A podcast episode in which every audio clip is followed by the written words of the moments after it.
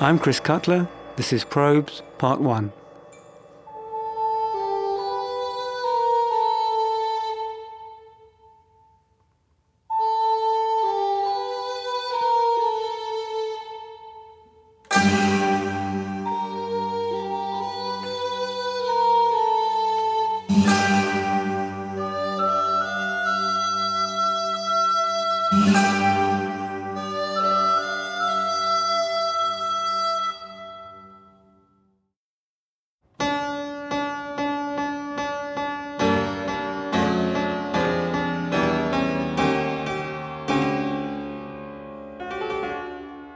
If you'd asked anyone in the 18th century what music was, you would have been met with a broad consensus. Music came in three basic forms then, as it had for at least 600 years church music, art music, and what we now call folk music. All three of them pretty closely integrated, with many of the same melodies migrating back and forth between them.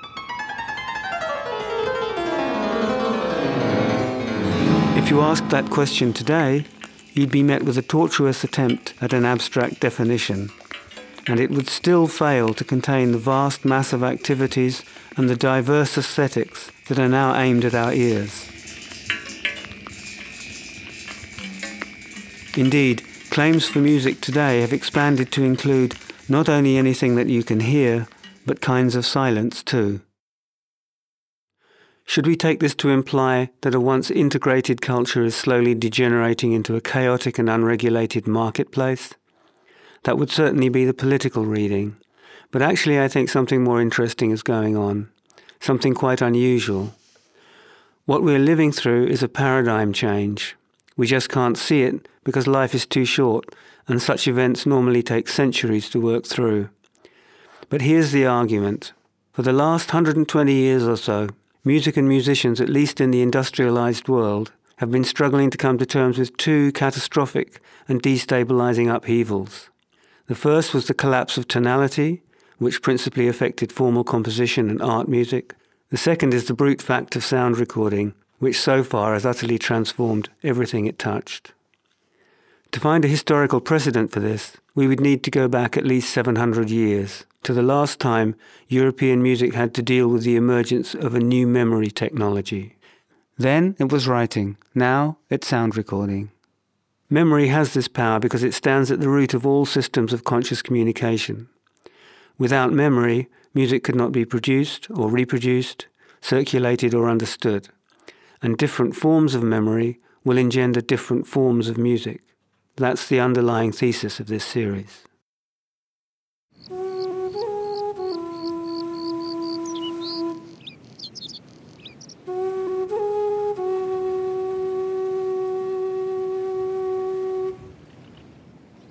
So let's test it. In pre literate cultures, we can say with confidence that the kinds of music that can be made will be absolutely limited to what our biological memories can process and reproduce. There's no way to extend them. Our mental and muscular memories have a particular structure and a delineated capacity, and we cannot overstep them. So, what sort of music do pre literate societies evolve? So far as we know, the vast majority of it is monophonic. That is to say, it consists of a single linear melody, accompanied, if it's accompanied, by some sort of drone.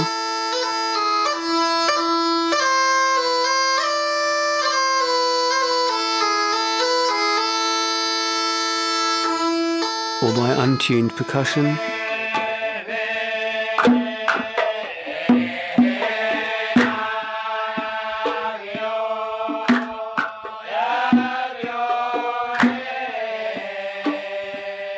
By one or more instruments playing in unison.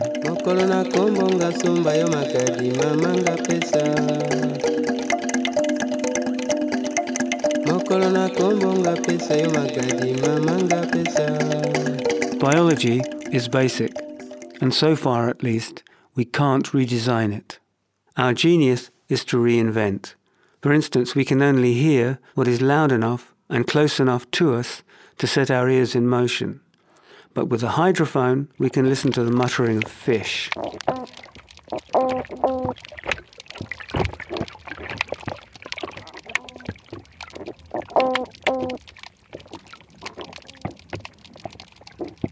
With a radio telescope, we can eavesdrop on a black hole.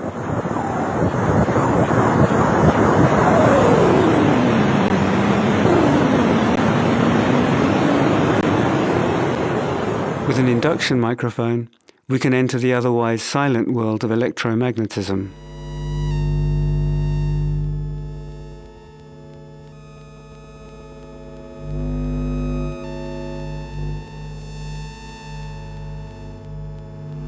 And here are some bacteria freezing in dry ice.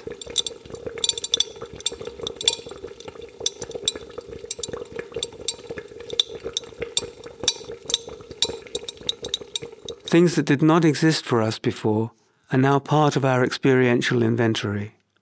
So, although the structural limits of biological memory are absolute, they can still be extended and readjusted by external, non biological technologies. Writing is such a technology. It is a memory, but a wholly new kind of memory.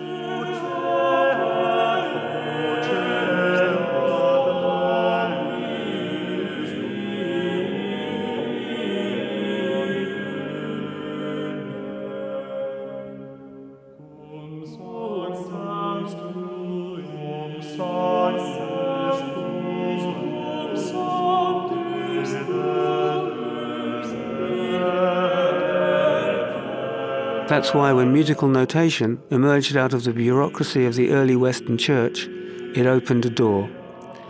Writing put a powerful new resource into the hands of composers. In fact, to our way of understanding, it created composers. Or at the very least, it reconstructed the relationship between the increasingly divided activities of composition and performance. In this respect, notation is a kind of third body it links writer and performer, but it is external to the minds of both.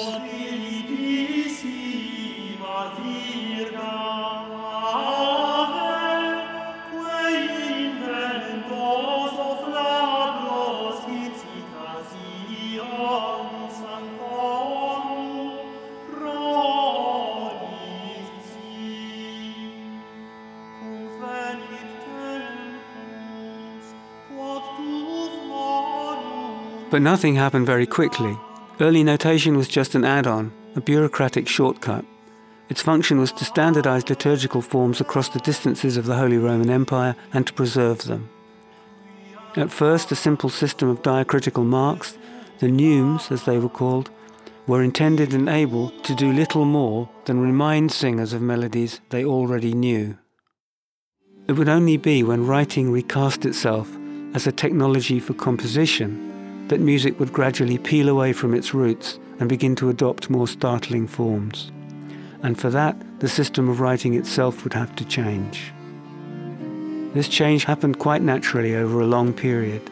As the properties of writing changed the music that was written, so the success of the music that was written drove improvements in the forms of writing. Scoring grew more accurate, more flexible, and more analytic, until it settled into the form we now call stave notation, a visual grid in which sound is mapped more or less directly onto space. Once this system was in place, the visual dimension of composition became increasingly influential. Think mirror and retrograde forms.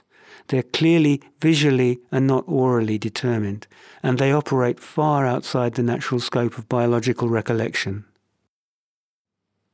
In a nutshell, so long as music depends on biological memory, as all pre-literate musics must, it's ruled by the ear. We listen and we remember. More importantly, we forget, because forgetting is the way such music grows. Melody is what comes naturally to biologically mediated music, because oral memory is shaped by narrative and speech, by the linear. Recollection through writing, on the other hand, is ruled by the eye, Melody is horizontal, time is distance, coincidence is vertical, and all values are quantized to fit a universal grid. Isn't it inevitable, under these conditions, that calculation and visual alignment will exercise an increasingly powerful influence on the formation of musical structures? That's certainly what happened in the 14th and 15th centuries. Mirrors, inversions, polyphonic puzzles, hidden prayers, and magic numbers these are all visual games that celebrate the visuality of writing. The score brings time-free calculation to the fore and architectures far beyond the scope of simple memory.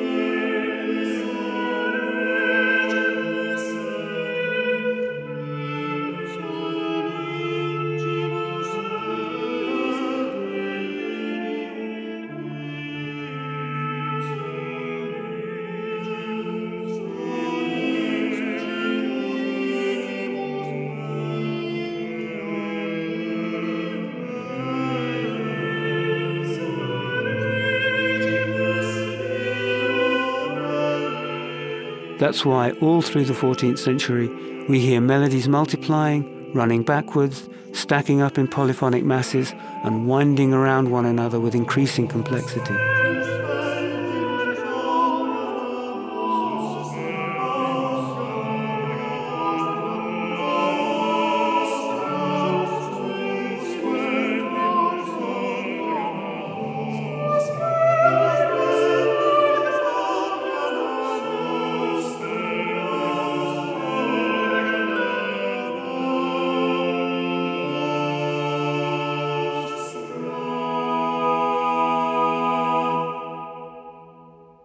Even here, the individual melodies are still melodies. And even when polyphony is reborn as counterpoint, melody is still there at the center of musical thought.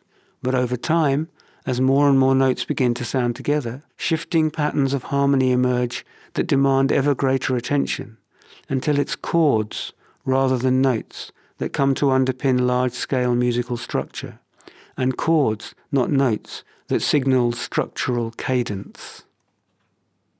With this new idea, harmonic thinking, the endless summer of tonality began. It was a paradigm that would dominate Western musical thought for the next 500 years.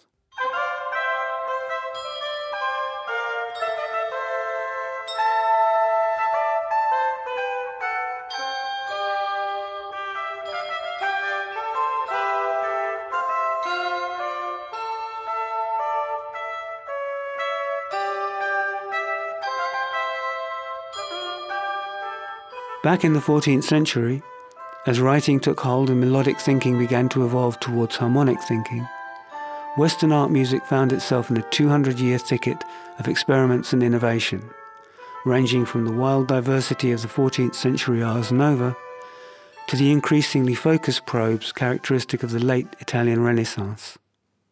In the programs that follow, I shall be arguing that as writing now gives way to a third and equally revolutionary kind of memory, that is, sound recording, we find ourselves again in a period of upheaval and transition. It's the test flights into this new sonosphere that I'm calling, with thanks to Marshall McLuhan, probes.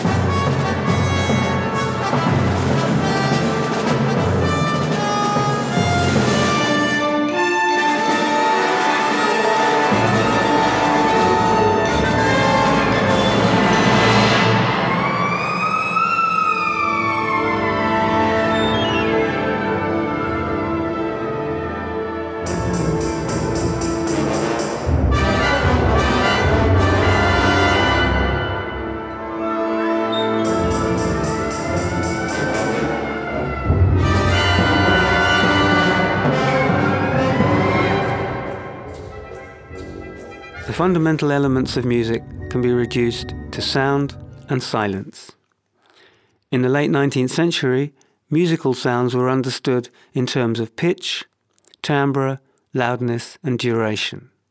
Silences were understood only to have duration. Of these four qualities, pitch underwrote content and was thought of as the source of melody and harmony. Duration underwrote form and was thought of as the source of pulse and rhythm. Timbre and loudness were regarded as somewhat subsidiary agents of nuance and were treated as a source of expressivity and character. In the course of the first half of the 20th century, every single identifiable aspect of every single one of these parameters would be probed and questioned. And since the art music world was tipped into crisis on the fulcrum of pitch, that's where we'll start too.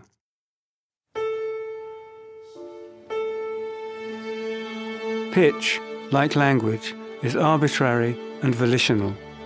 The world is full of wildly different and incompatible scales and tuning systems. Only the interval of the octave is more or less universally recognized, and there are scales that don't even recognize that. Tuning might even be set at the level of individual instruments. For instance, no two sets of gamelan are tuned or played in quite the same way. But human beings value concord, and when we play together, we like to be in tune. So we tune to one another and to our cultural norms. Our culture recognizes a 12 note octave whose origins go back at least to Middle Period Sumeria. However, the specific values of those 12 notes have shifted significantly over time and varied wildly from place to place. Bach and his contemporaries, for instance, and many of his successors, habitually used different tunings for different compositions. Different orchestras tuned differently, Western art music didn't officially adopt 12 tone equal temperament, that's the system we think of now as natural, until the middle of the 18th century. And even then, not fully. Choirs and string quartets still routinely deviate to purer tunings. In essence, equal temperament was a messy compromise. But it did help unleash the power of writing because by making every note acceptable in every key, it achieved a kind of neutral parity for every pitch admittedly at the expense of making them all, in terms of the natural harmonic series, a little out of tune. By the early 20th century, Western art music had come head to head with the pressures and complexities of early modernity. Internally weakened by 200 years of progressive extension, common practice tonality had become all but fatally compromised, or at least reduced to a patchwork of accumulated ambiguities. With no centre, the whole project was in crisis. Too broken to repair and too inflexible to address the new conditions, Western art music needed more than a new vocabulary. It was looking for a new foundation. In a dizzying half century, the world had become almost unrecognizable trying to adapt to the imbricated shocks of mechanization, Taylorism, mass communications, electrification, the phonograph, the photograph, clock time, commercial travel, and a violently transformed sonosphere, composers like rodeo competitors needed to get a handle on the general confusion. Even their basic materials had changed. In the cacophonous world of mechanized modernity, not only had sound acquired a wide range of new qualities and meanings, but it had also metamorphosed into a substance. From being elusive and insubstantial, sound had suddenly become as durable as paint, a kind of stuff that could be captured, pinned in place, and endlessly repeated, and endlessly repeated, and endlessly repeated, and endlessly repeated, and endlessly repeated, and endlessly repeated. The world was shrinking fast. Travel had become almost safe, and people were moving and taking their music with them.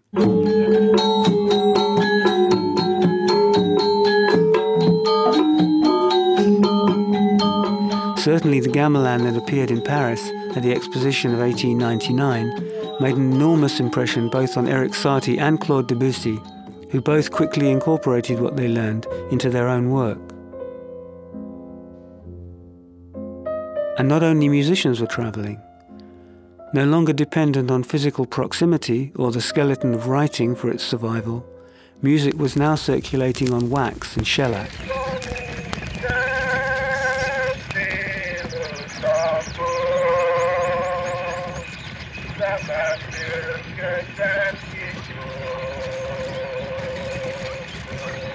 By 1890, a number of musicologists and composers, Bartok and Kodály amongst them, were using the phonograph to collect folk performances.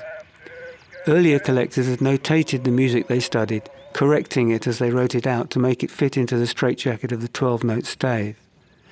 Recordings, on the other hand, could remember every nuance accurately, meaning that non equal tempered scales were now surviving their collection.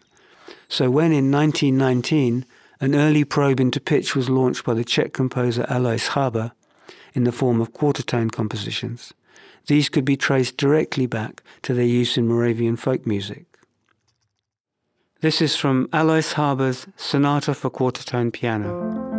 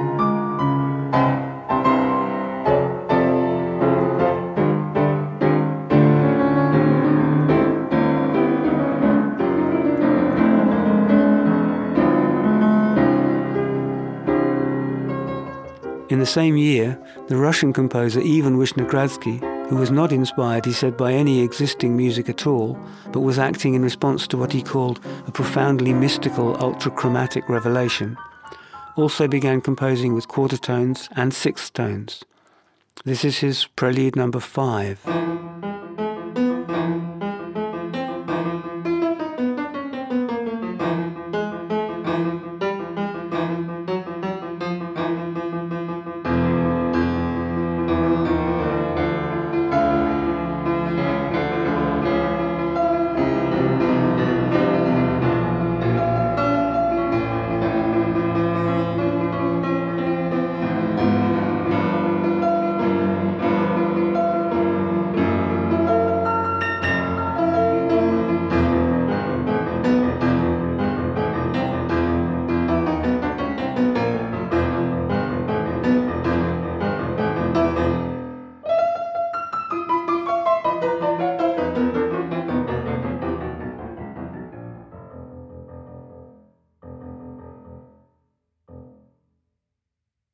Some instruments can expand easily into these more nuanced tunings, unfretted strings, for instance, the trombone, the human voice, but the rest of the orchestral family has frets, measured holes, or fixed lengths that limit the pitches they are capable of producing. Keyboards, in particular, with their fixed black and white, whole and half tone layout, just don't have the space for any extra notes inside an octave. That said, the piano is the flagship of the Western art tradition, and composers are addicted to it, so at first they wrote four-handed using two separate pianos tuned a quarter tone apart.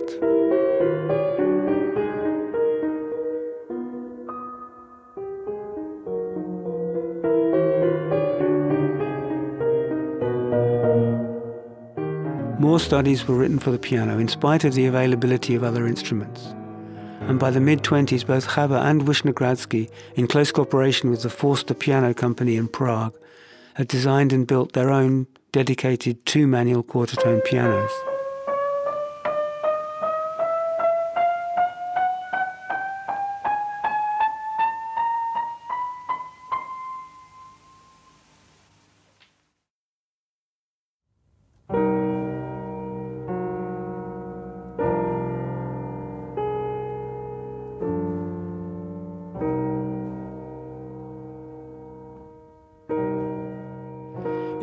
Too, and at almost the same time, the pianist and composer Hans Barth, a man you will look for in vain in almost every encyclopedia of 20th century music, had independently designed his own quarter tone piano, which presented to the world in 1925. Charles Ives, who'd been experimenting with quarter tones since the late 19th century, was then commissioned to produce three studies for its premiere. This is the second of them.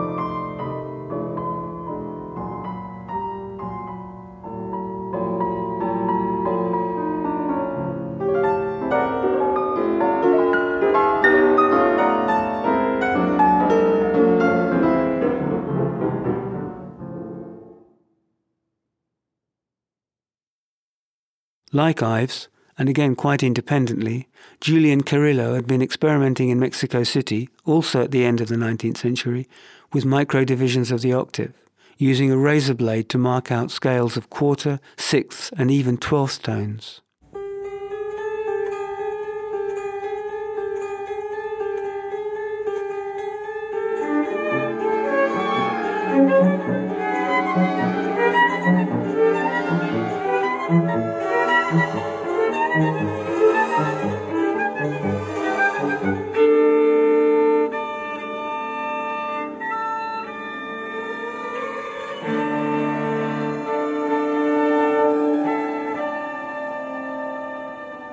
He brought together all his results in 1916 under the name of the 13th Sound and went on to produce a substantial body of microtonal works over the next 40 years.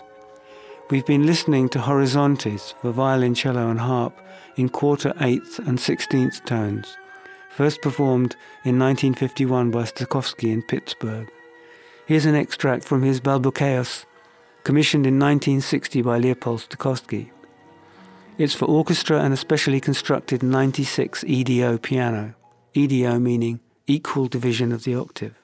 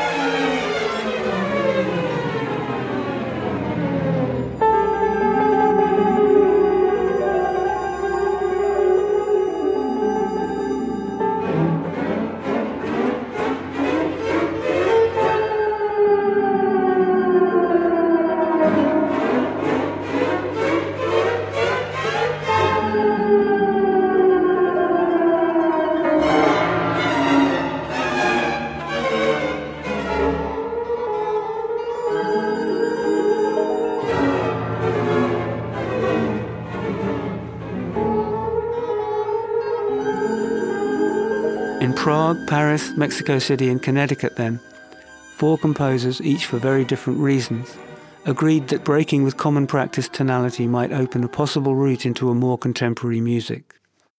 One last example by the Argentinian composer Mildred Couper, written for a 1930 theatre production in California. This is from her Xanadu.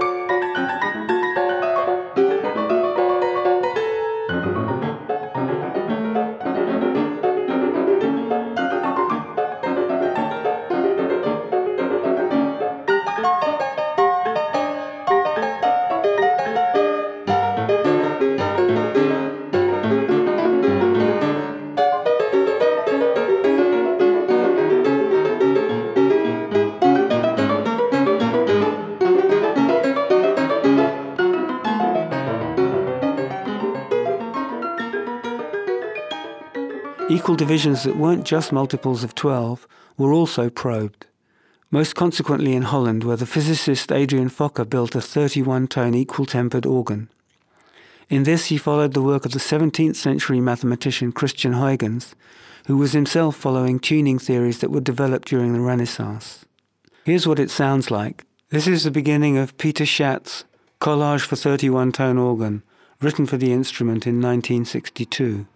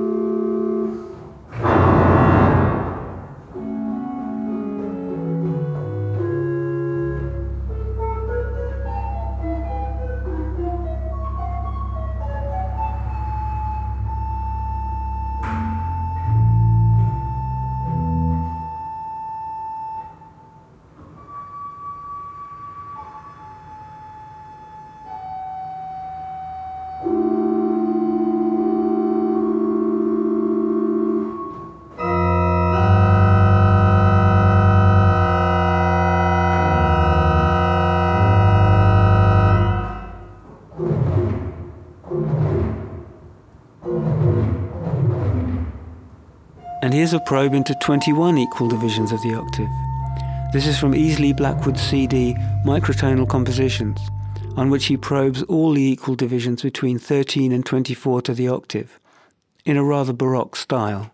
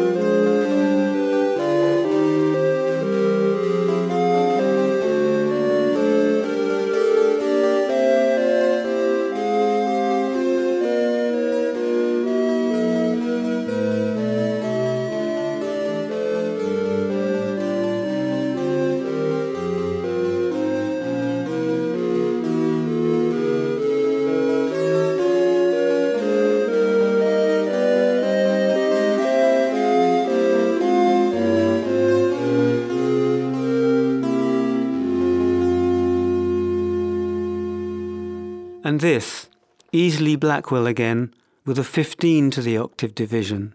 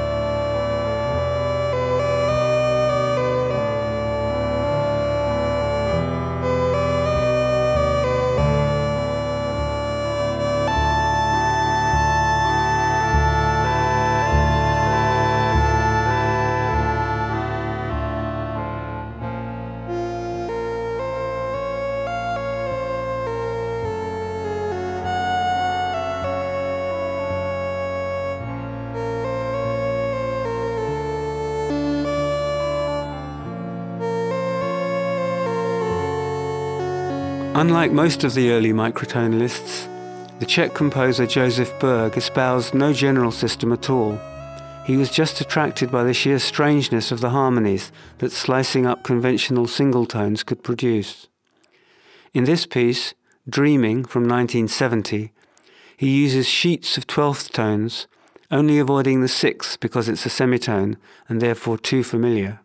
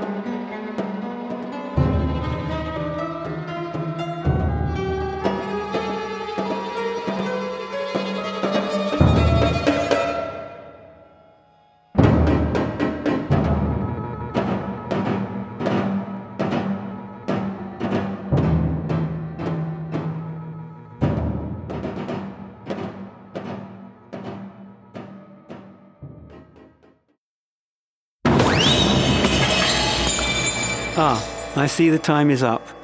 In part two, we'll look at a very different way of thinking about scales.